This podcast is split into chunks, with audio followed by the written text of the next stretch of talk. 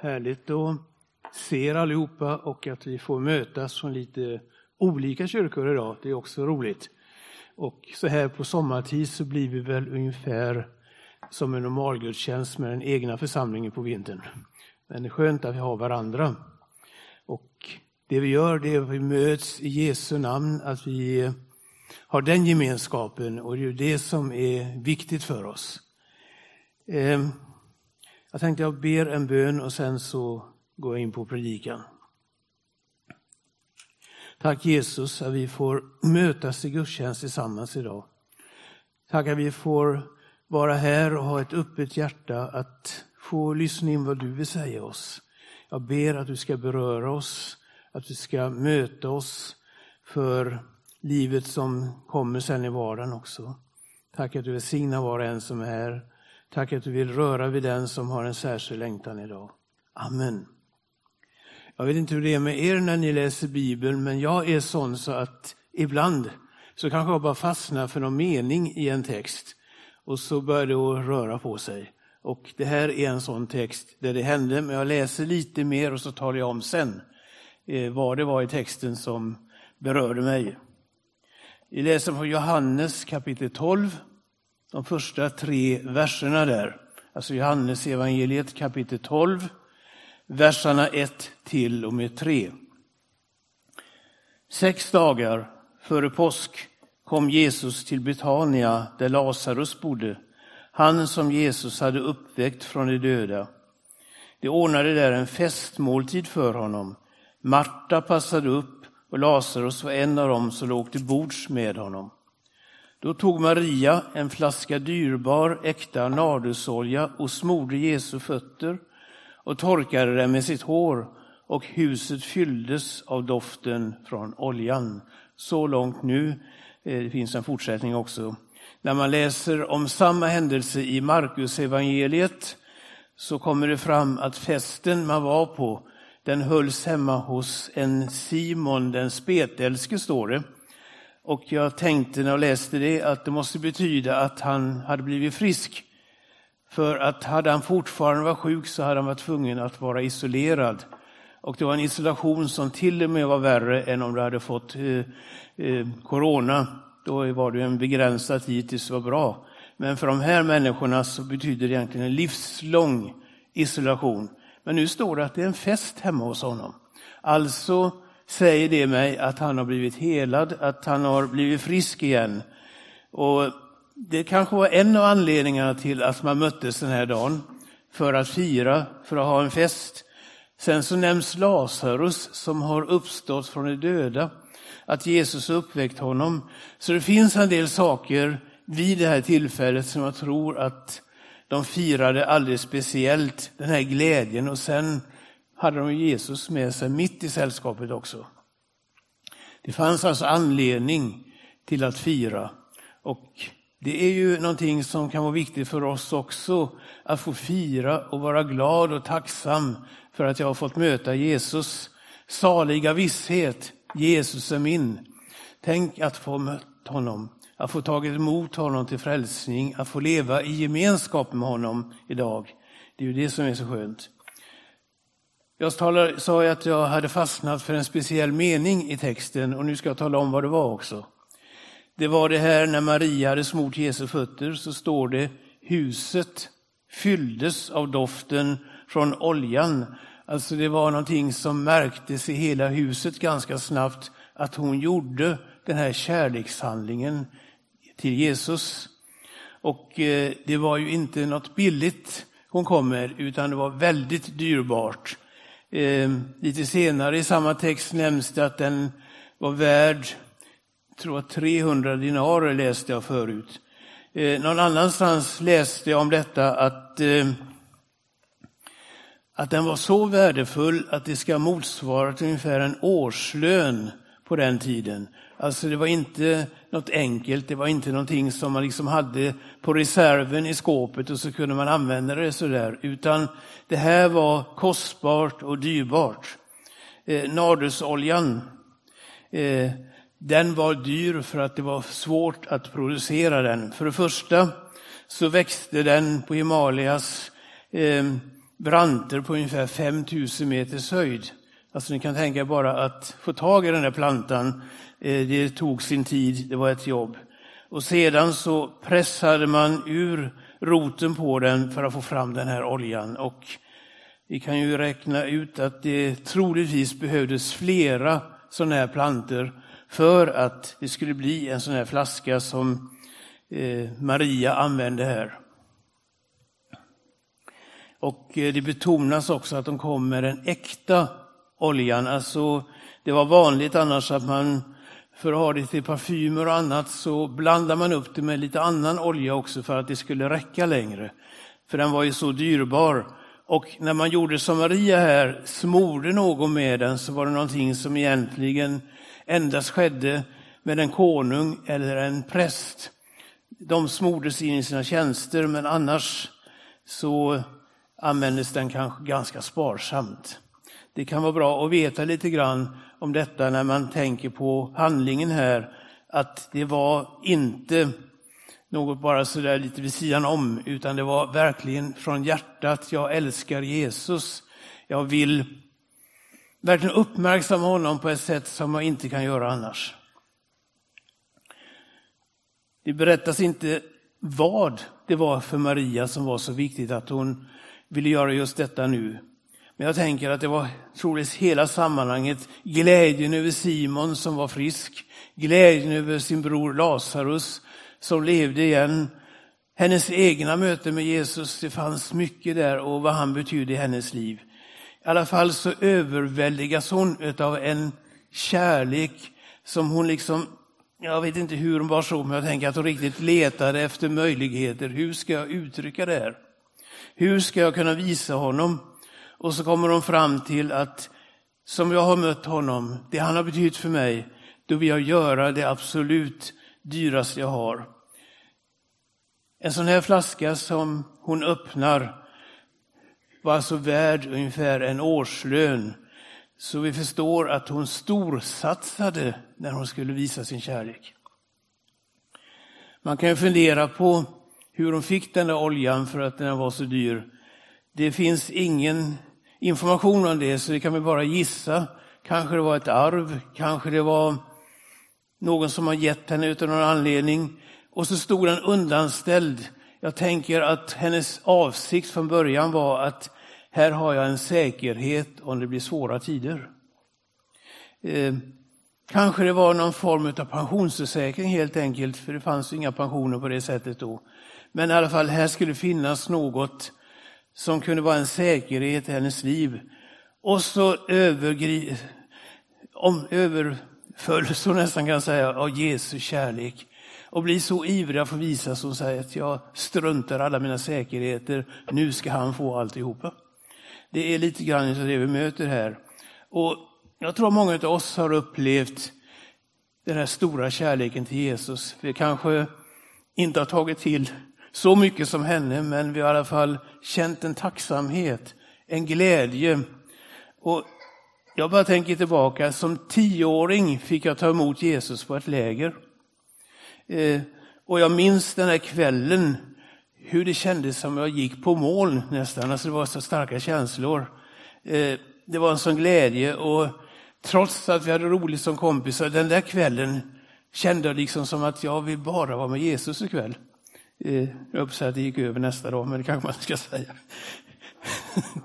Alltså kärleken fanns kvar, men jag lekte normalt med de andra igen. Men just den kvällen, det var så intensivt så jag kände att det här vill jag inte släppa. Och sen är det klart, de där starka känslorna, de ger sig med tiden, det vet vi allihopa. Men då får vi ändå leva i tro och vissheten, den här saliga vissheten, Jesus är min. Och sen kan kärlekshandlingen ta sig konkreta uttryck. Kanske något speciellt du känner att det här vill jag göra för Jesus. På det här sättet vill jag tjäna honom. Eh, med någon gåva du har i ditt liv.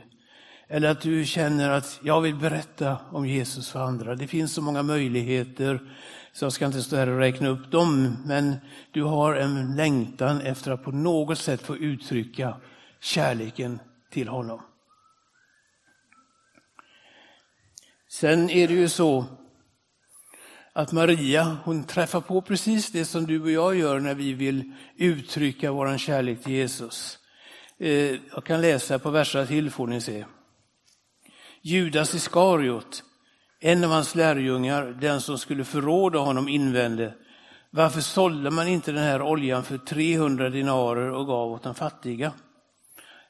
Eh, så mycket där, det står lite andra saker om Judas också, men just det här, varför gjorde man inte på annat sätt? Det kunde komma till mycket större nytta om man hade tänkt igenom det här. Eh, hon kände alltså ett motstånd när hon ville visa kärleken till Jesus. Jag vet inte hur hon upplevde men jag kan tänka mig att där är hon så översvallande i den här kärlekskänslan. Så jag vet inte om det var som hon kände som att det kom lite nordanvind in i hennes liv rätt som det var. Men Jesus står upp till hennes försvar och säger att hon har gjort det för mig. Eh, och det där kan ju vara någonting vi upplever också. Vi vill göra något för Jesus, vi vill tjäna honom. Och så blir det motstånd på något sätt. Det kan vara en kamp för oss själva, andligt, där vi känner hur tron angrips. Det kan vara människor som inte förstår det du vill göra för honom. Eh, det finns så många saker som kan spela in. Men kommer motståndet så ska vi veta att Jesus, han ställde upp till hennes försvar. Han är på våran sida. Huset fylldes av doften. Varenda vrå i det där huset måste alltså ha blivit berörd. Fanns inte någon som var i detta huset som missade att den här Maria hade gjort ett sånt här offer. Överallt var en riktig väldoft. Det var starkt och alla visste att här har det hänt något speciellt. Huset fylldes av doften. Och så är det med den äkta Jesuskärleken. Den går inte spårlöst förbi. Den påverkar atmosfären omkring dig. Eh, den kan göra att andra dras till honom och vill möta honom. Eh, det är något av värme och omsorg. I alla fall så finns det där. Ibland möter man människor där man känner alldeles speciellt. Min första församlingstjänst, det var i Dalsland för runt en 45 år sedan, så det är ett tag sedan. Eh, jag hörde till de yngre förkunnarna på den tiden, också det säger väl att det gått ett tag. Men i alla fall så hade vi våra samlingar i landskapet nu och då, pastorer emellan. Där fanns en pensionerad pastor som jag faktiskt har glömt vad han hette som var med på de här samlingarna. Jag tror han hade någon vakanstjänst i någon av församlingarna där. Han hade en sån kärlek till Jesus, en sån ljuvlig kärlek så att när du mötte honom så kände du det. Eh, kanske jag inte kan förklara riktigt, men det var något speciellt där som gjorde att vi andra vi drogs till honom. Och bara höra honom säga någonting, kanske i samtalen, det var ständigt präglat av det här med Jesu kärlek. Eh, uppleva honom be, då var det som att Jesus stod bredvid honom. Alltså det fanns många där så att det kändes som att det fanns något speciellt där. Sen vet jag att inte alla känns på det sättet, men det där var en sån där sak som fastnade i mitt minne från den tiden.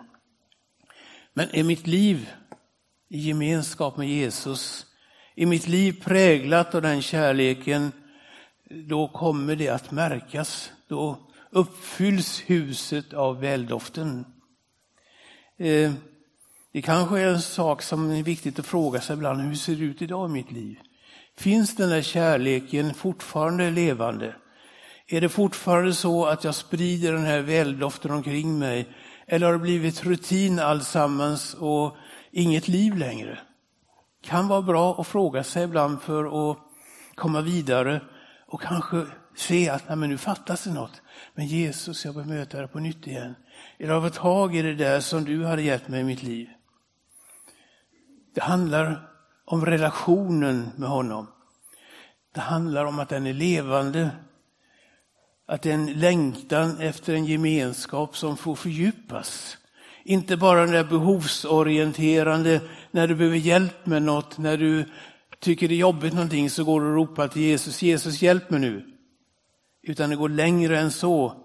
Jag vill ha gemenskap med dig, jag vill leva med dig, jag vill att du ska finnas i mitt liv nära varje dag. Petrus skriver i sitt första brev så här. Honom älskar ni utan att ha sett honom. Och fast ni ännu inte ser honom tror ni på honom och jublar över honom i obeskrivlig himmelsk glädje. Jag tycker att det där beskriver något av den där kärleken som bara flödar. Att jubla över Jesus, att älska honom fast vi inte har sett honom personligt. Därför att han är en sån viktig del i mitt liv. Han är en sån viktig person. Att ha det på det sättet, det är bara möjligt om jag har lärt känna honom. Och du vet, att lära känna någon, det stannar inte efter ett par dagar så ligger det på samma plan, utan man upptäcker ständigt nya sidor, man upptäcker ständigt att gemenskapen växer. Och har du läst Filipperbrevet 3 så uttrycks det flera gånger där om denna längtan att få lära känna honom, att han ska påverka mitt liv, att jag vill vara nära honom, han är synlig i mitt liv. Första Korinthierbrevet 2, vers 16 säger vi har Kristi sinne. Eh, jag har en tysk modernare översättning alltså som uttrycker det på ett annat sätt. Vi tänker Kristi tankar, står det där. Tycker att det var, alltså du vet, tänka tankarna från annan. Det är någonting som händer när du lever i nära gemenskap. Eh, man märker efter ett tag att oj, vi tänkte samma sak samtidigt. Det var inte någonting som man planerade, utan det blev så. Det där är någonting som kommer och växer i gemenskapen. Så när jag älskar Jesus, söker hans gemenskap, så kommer detta också att vara mer och mer synligt i mitt liv. Och då slutar du med den här frågan som man kan ställa kanske annars, hur långt får jag gå utan att tappa bort tron? Den här frågan är oviktig, utan den frågan är, hur kan jag komma ännu närmare? Hur kan jag leva ännu närmare honom? Och en sak som är viktigt här det är att vi har den heliga andes hjälp. Jesus säger så här i Johannes 15. Han, alltså den heliga ande, ska lära er allt och påminna om allt vad jag, alltså Jesus, har sagt er. Eller han ska vittna om mig. Och han ska förhärliga mig, alltså den heliga ande kommer oss alltså till hjälp för att vi ska få växa in i gemenskapen, se mer och mer vad vi har. Sen tar Jesus upp i olika sammanhang olika sidor där det här får uttryck i konkreta steg också. Du vet, när vi läste om Maria så ser det ut som att det var känslan som drev henne väldigt starkt. Och jag tror att det kan ha varit så. Och ibland så tycker vi att ja, det ska inte vara för mycket känsla, men jag har aldrig förstått det resonemanget. Därför att känslan, den är ofta en hjälp att bära fram något. Det är klart, den bygger inte på den i längden, men den kan vara en hjälp att komma vidare. Eh, och har du någon gång varit på en fotbollsmatch eller någonting så tror jag att du vet att man sitter inte tyst och viskar lite försiktigt när någon skjuter mål. Det hörs ganska bra. Jag kommer ihåg vid ett tillfälle, så jag var inte inne på matchen, men jag var ja, ungefär ett par hundra meter bort ifrån Ullevi i Göteborg och gick förbi där. Och resten så hörde sig brakande jubel och då visste jag IFK har skjutit mål nu. Jag behövde inte ens så inne på matchen, jag visste det ändå. Känslan, glädjen, att den kom till uttryck så att det syns. Men det är inte så att känslan ska dirigera oss. Det är ju någonting som präglar vårt moderna samhälle, att väldigt mycket bygger på känsla bara och då blir det lite hit och dit hur man tänker. Utan vi hela tiden vet att Gudsordet är så fast. Och det gäller, och att Jesus kopplar faktiskt ihop det här också med våran kärlek till honom. Han säger i Johannes kapitel 14, i vers 23, om någon älskar mig håller han fast vid mitt ord. Du ser att det finns en förbindelse, känslan av sin sida, men det finns också det konkreta. Jag älskar hans ord. Jag vill ha en fördjupad kunskap. Jag vill hålla hans ord. Om någon älskar mig håller han fast vid mitt ord, säger Jesus. Och så säger han i nästa vers att den som inte älskar honom håller inte fast vid ordet. Så det där visar ju oss att det också är viktigt att vi lär känna Guds ord. Att vi använder det. Att vi kanske inte bara lyfts med av tidens agenda, utan att vi frågar oss, vad säger ordet egentligen? Jesus, vad är det du vill att jag ska ta vara på här? För att det är också ett uttryck för min kärlek till honom. Och får ordet den vikten och den betydelsen och kopplar ihop det med kärleken till Jesus, då växer mitt behov av att få tränga in i det. Att få komma vidare, att få upptäcka mer och framförallt få upptäcka Jesus i ordet. I min hemförsamling i Smyrnakyrkan i Göteborg, så när jag var i övre tonåren, kanske, eller jag var 16-17, en av våra pastorer hade en alldeles speciell gåva att fånga upp intresset hos oss som var i den åldern. Och han var inte rädd för att börja med lite svårare bibelsammanhang och jobba med oss. Jag kommer fortfarande ihåg en bibelstudieserie han hade på en sportlovsvecka. Där vi var ute hela dagen och åkte skidor och sen så satt vi på kvällen med honom. Han gick igenom och jämförde vad Gamla testamentet förutsade och som blev uppfyllt i det nya. Han utgick speciellt från Hebreerbrevet. Vet du att det var något av det mest spännande jag hade varit med om på den tiden när det gäller bibelkunskap. Han hade en förmåga alltså att väcka sånt sådant intresse. Och så fick vi vara med och få tag i den där kärleken till Jesus om ordets betydelse. Och det är ju så att är ordet viktigt för oss, då kanske vi ibland ser att det inte stämmer överallt, men då kommer vi inte på ett obehagligt sätt, utan då kommer vi med den här kärleken. Jag vill vara med och hjälpa dig att få möta Jesus. Jag vill det är ju inte så att det bara säger att allting är underbart, utan det pekar ibland på saker där vi behöver förändras. Men då kan man få med på ett kärleksfullt sätt att förmana också så att Jesus-kärleken slår rot också där. En annan sida i gemenskapen med Jesus, det är bönen också. Första Johannesbrevet kapitel 5 lovar bönesvar om vi ber efter hans vilja. Jag vet att jag länge funderar på hur ska det gå till? Hur ska jag kunna be efter hans vilja? Hur ska jag veta det? Jag menar, jag hade ju lite löften i Bibeln, jag hade lite ord där, men just när jag ber konkret, hur ska jag veta vad hans vilja är? Det kan du tugga på lite grann. Men en sida i det i alla fall, det är ju att lever jag i kärleken till Jesus, lever jag i gemenskapen då händer ju det som jag sa förut, att vi också tänker lika, att det präglar oss. Och så kan du börja be i en bön som är ledd av honom så att du ska få bönesvar. Försök att tänk på det, men inte bara tänk utan ta till det och våga pröva. Och söka gemenskap med Jesus i samband med att du ber. Det kan bli jätteintressant tror jag. Doften av oljan, nardusoljan, fyllas i hela huset.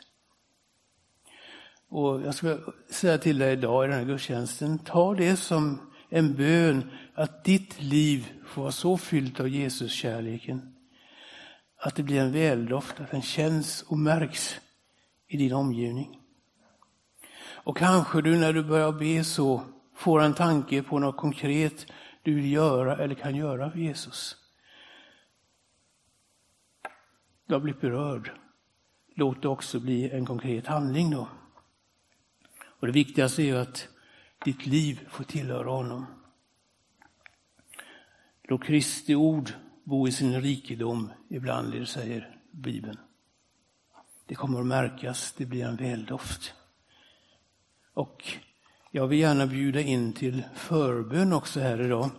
Det kan ju vara så att någonting har hänt i ditt liv när du lyssnar idag där du säger att jag skulle vilja att någon ber för mig att det här börjar fungera. Då är du välkommen fram dit eller dit. Margot kommer vara på den sidan, jag kommer vara där. Och kanske finns någon från andra församlingar som också vill vara med och hjälpa till i förbön. Eh, då kan vi be för en enkel bön. Du kan tala om ditt behov. Det kan vara att du vill söka Jesus idag. Så att jag vill uppleva mer av hans närhet, att du säger att jag behöver det där start skottet så att säga, så jag går till förbön idag. Eller att du ännu aldrig har mött Jesus i ditt liv. Ta möjligheten att få börja då. Alltså jag bjuder in till den förbönen och vi kommer få höra lovsång samtidigt.